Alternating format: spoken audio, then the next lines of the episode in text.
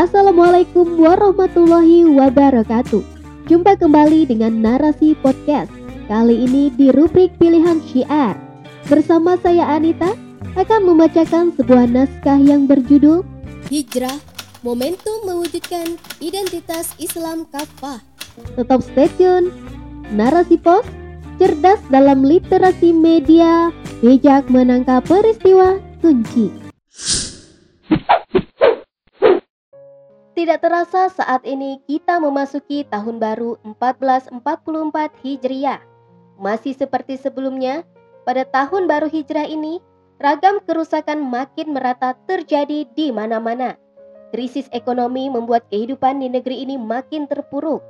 Korupsi makin menjadi-jadi. Ragam penistaan terhadap Islam masih terjadi. Ketidakadilan hukum makin terang-terangan. Kerusakan moral para pemuda makin memuakan. Karena itu, besar harapan dan keinginan umat agar momen tahun baru hijrah ini dapat mengubah keadaan negeri ini menuju tatanan yang islami yang diridhoi Allah Subhanahu wa taala.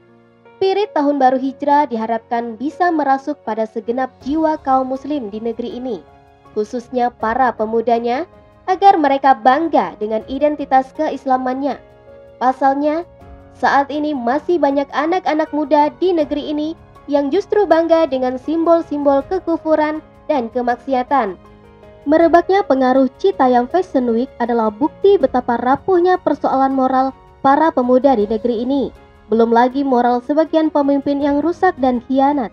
Perjalanan hijrah Nabi Shallallahu Alaihi Wasallam bersama para sahabat beliau dari Mekah ke Madinah disepakati sebagai awal penanggalan kalender hijrah atas usul Khalifah Umar bin Al-Khattab radhiyallahu anhu.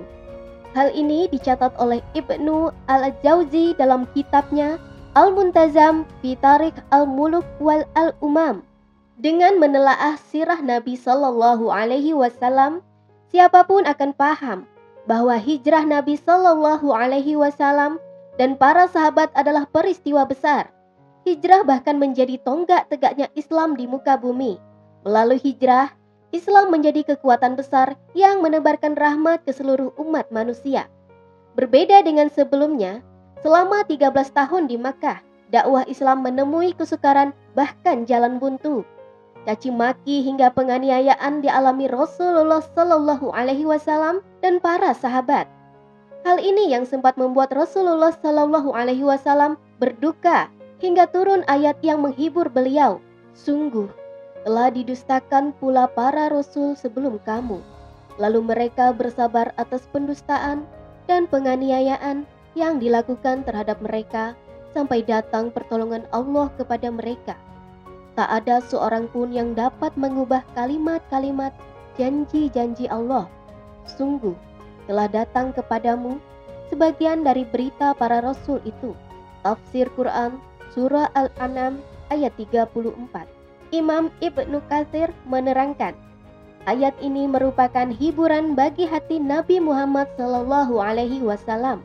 Ungkapan dukungan kepada beliau dalam menghadapi orang-orang yang mendustakan beliau dari kalangan kaum beliau serta perintah kepada beliau agar bersabar sebagaimana sikap sabar ulul azmi dari kalangan para rasul terdahulu. Ayat ini pun mengandung janji Allah kepada nabinya bahwa dia akan menolong dirinya sebagaimana dia telah menolong para rasul terdahulu. Kemudian mereka memperoleh kemenangan. Sumber dari tafsir Ibnu Katsir. Hijrah adalah pengorbanan.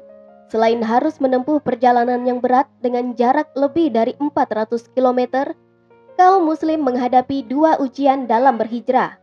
Pertama, ujian keimanan. Mereka harus meninggalkan negeri asal mereka meninggalkan harta benda, tempat tinggal, bahkan keluarga mereka. Mereka berpindah ke negeri yang di sana tak ada sanak kerabat. Mereka pun tidak dijanjikan akan mendapat tempat tinggal baru atau mata pencaharian baru sebagai ganti harta yang mereka tinggalkan. Hanya bermodalkan keyakinan pertolongan Allah Subhanahu wa taala, mereka berhijrah. Allah Subhanahu wa taala pun memberikan pujian pahala berlimpah kepada kaum muhajirin, orang-orang yang berhijrah di jalan Allah. Kemudian mereka dibunuh atau mati, benar-benar akan Allah beri rezeki yang baik surga. Sungguh, Allah adalah sebaik-baik pemberi rezeki.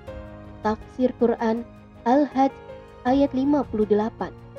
Kedua, kaum muslim yang berhijrah juga menghadapi ujian pengorbanan dan penentangan dari kaumnya. Zainab binti Rasulullah Shallallahu alaihi wasallam misalnya, ia harus rela berpisah dengan suaminya, Abu Al-Ash bin Rabi, yang masih musyrik dan menolak ikut berhijrah. Keluarga suaminya juga menghadang Zainab yang tengah hamil empat bulan hingga dirinya terjatuh dan mengalami keguguran. Setelah pulih dari lukanya, Zainab kembali berangkat berhijrah meninggalkan suaminya. Sahabat lain, Suhaib Ar-Rumi radhiyallahu anhu, sebagaimana dikisahkan oleh Ibnu Katsir dari tafsir Ibnu Katsir, mengorbankan harta yang dia bawa dari rumahnya untuk diberikan kepada kaum musyrik yang menghadang dirinya di perjalanan ketimbang ia kembali ke Makkah. Setibanya di Madinah, dan ia menceritakan peristiwa yang ia alami, termasuk harta yang ia berikan kepada para penghadangnya. Rasulullah Shallallahu Alaihi Wasallam memuji dirinya. Beruntunglah perdagangan Suhaib. Dua kali pujian itu diulang Nabi Shallallahu Alaihi Wasallam. Kemudian turunlah firman Allah Subhanahu wa Ta'ala. Di antara manusia, ada orang yang mengorbankan dirinya karena mencari ridha Allah. Allah Maha Penyantun kepada hamba-hambanya. Tafsir Quran Surah Al-Baqarah ayat 207. Hijrah Nabi Shallallahu Alaihi Wasallam ke Madinah bukanlah karena beliau ingin menghindar dari kesulitan demi kesulitan yang menghadang dakwah beliau selama di Mekah. Hijrah juga bukan karena Rasulullah Shallallahu Alaihi Wasallam sudah tidak bisa bersabar lagi menghadapi rintangan dakwah. Namun beliau menyadari bahwa masyarakat Mekah berpikiran dangkal, bebal, dan berkubang dalam kesesatan. Karena itu, beliau melihat bahwa dakwah harus dialihkan dari kondisi masyarakat semacam ini ke kondisi masyarakat yang kondusif dan siap menerima Islam. Allah Subhanahu wa taala lalu memberikan pertolongan dengan kedatangan orang-orang suku Aus dan Khazraj dari Yathrib, Madinah. Dua kabilah ini terkenal dengan kekuatan mereka karena terbiasa berperang. Negeri mereka pun memiliki posisi geostrategis yang luar biasa, terletak di jalur perdagangan antara Makkah dan Syam. Hal ini mencemaskan orang-orang Quraisy seandainya Rasulullah Shallallahu Alaihi Wasallam berkuasa di Madinah. Madinah juga memiliki lahan yang lebih subur ketimbang Makkah karena terletak di antara dua tanah vulkanik, Al-Wabarah di barat, Wakim di timur, Uhud dan Sil'u di utara, serta Gunung Ir di barat daya. Selain memberikan kesuburan, posisi Madinah yang demikian secara militer membuat wilayah ini sulit untuk diterobos dan diserbu musuh. Ini disadari oleh kaum musyrik Quraisy mereka mencemaskan Islam menjadi kekuatan besar yang bisa mengalahkan mereka. Karena itu, mereka berusaha keras menghadang hijrah kaum muslim, khususnya Rasulullah Shallallahu alaihi wasallam. Namun, dengan izin Allah, beliau dapat menerobos kepungan orang-orang kafir Quraisy dan lolos dari kejaran mereka hingga beliau tiba di Madinah. Setiba di Madinah, Rasulullah Shallallahu Alaihi Wasallam melakukan sejumlah langkah untuk membangun kekuatan dalam wujud negara Islam pertama di dunia yang kokoh. Pertama, Rasulullah Shallallahu Alaihi Wasallam berhasil menyatukan suku Aus dan Khazraj yang bermusuhan. Beliau juga mempersaudarakan kaum Muhajirin dan Ansor. Kedua, Rasulullah Shallallahu Alaihi Wasallam mengikat seluruh pihak di Madinah dan sekitarnya seperti kaum musyrik dan Yahudi dengan piagam Madinah. Tujuannya antara lain agar eksistensi negara Islam yang dibangun tidak digoyahkan oleh siapa pun. Semua terikat dengan piagam Madinah untuk saling menjaga dan melindungi. Mereka tidak boleh bersekutu dengan musuh untuk menyerang satu sama lain.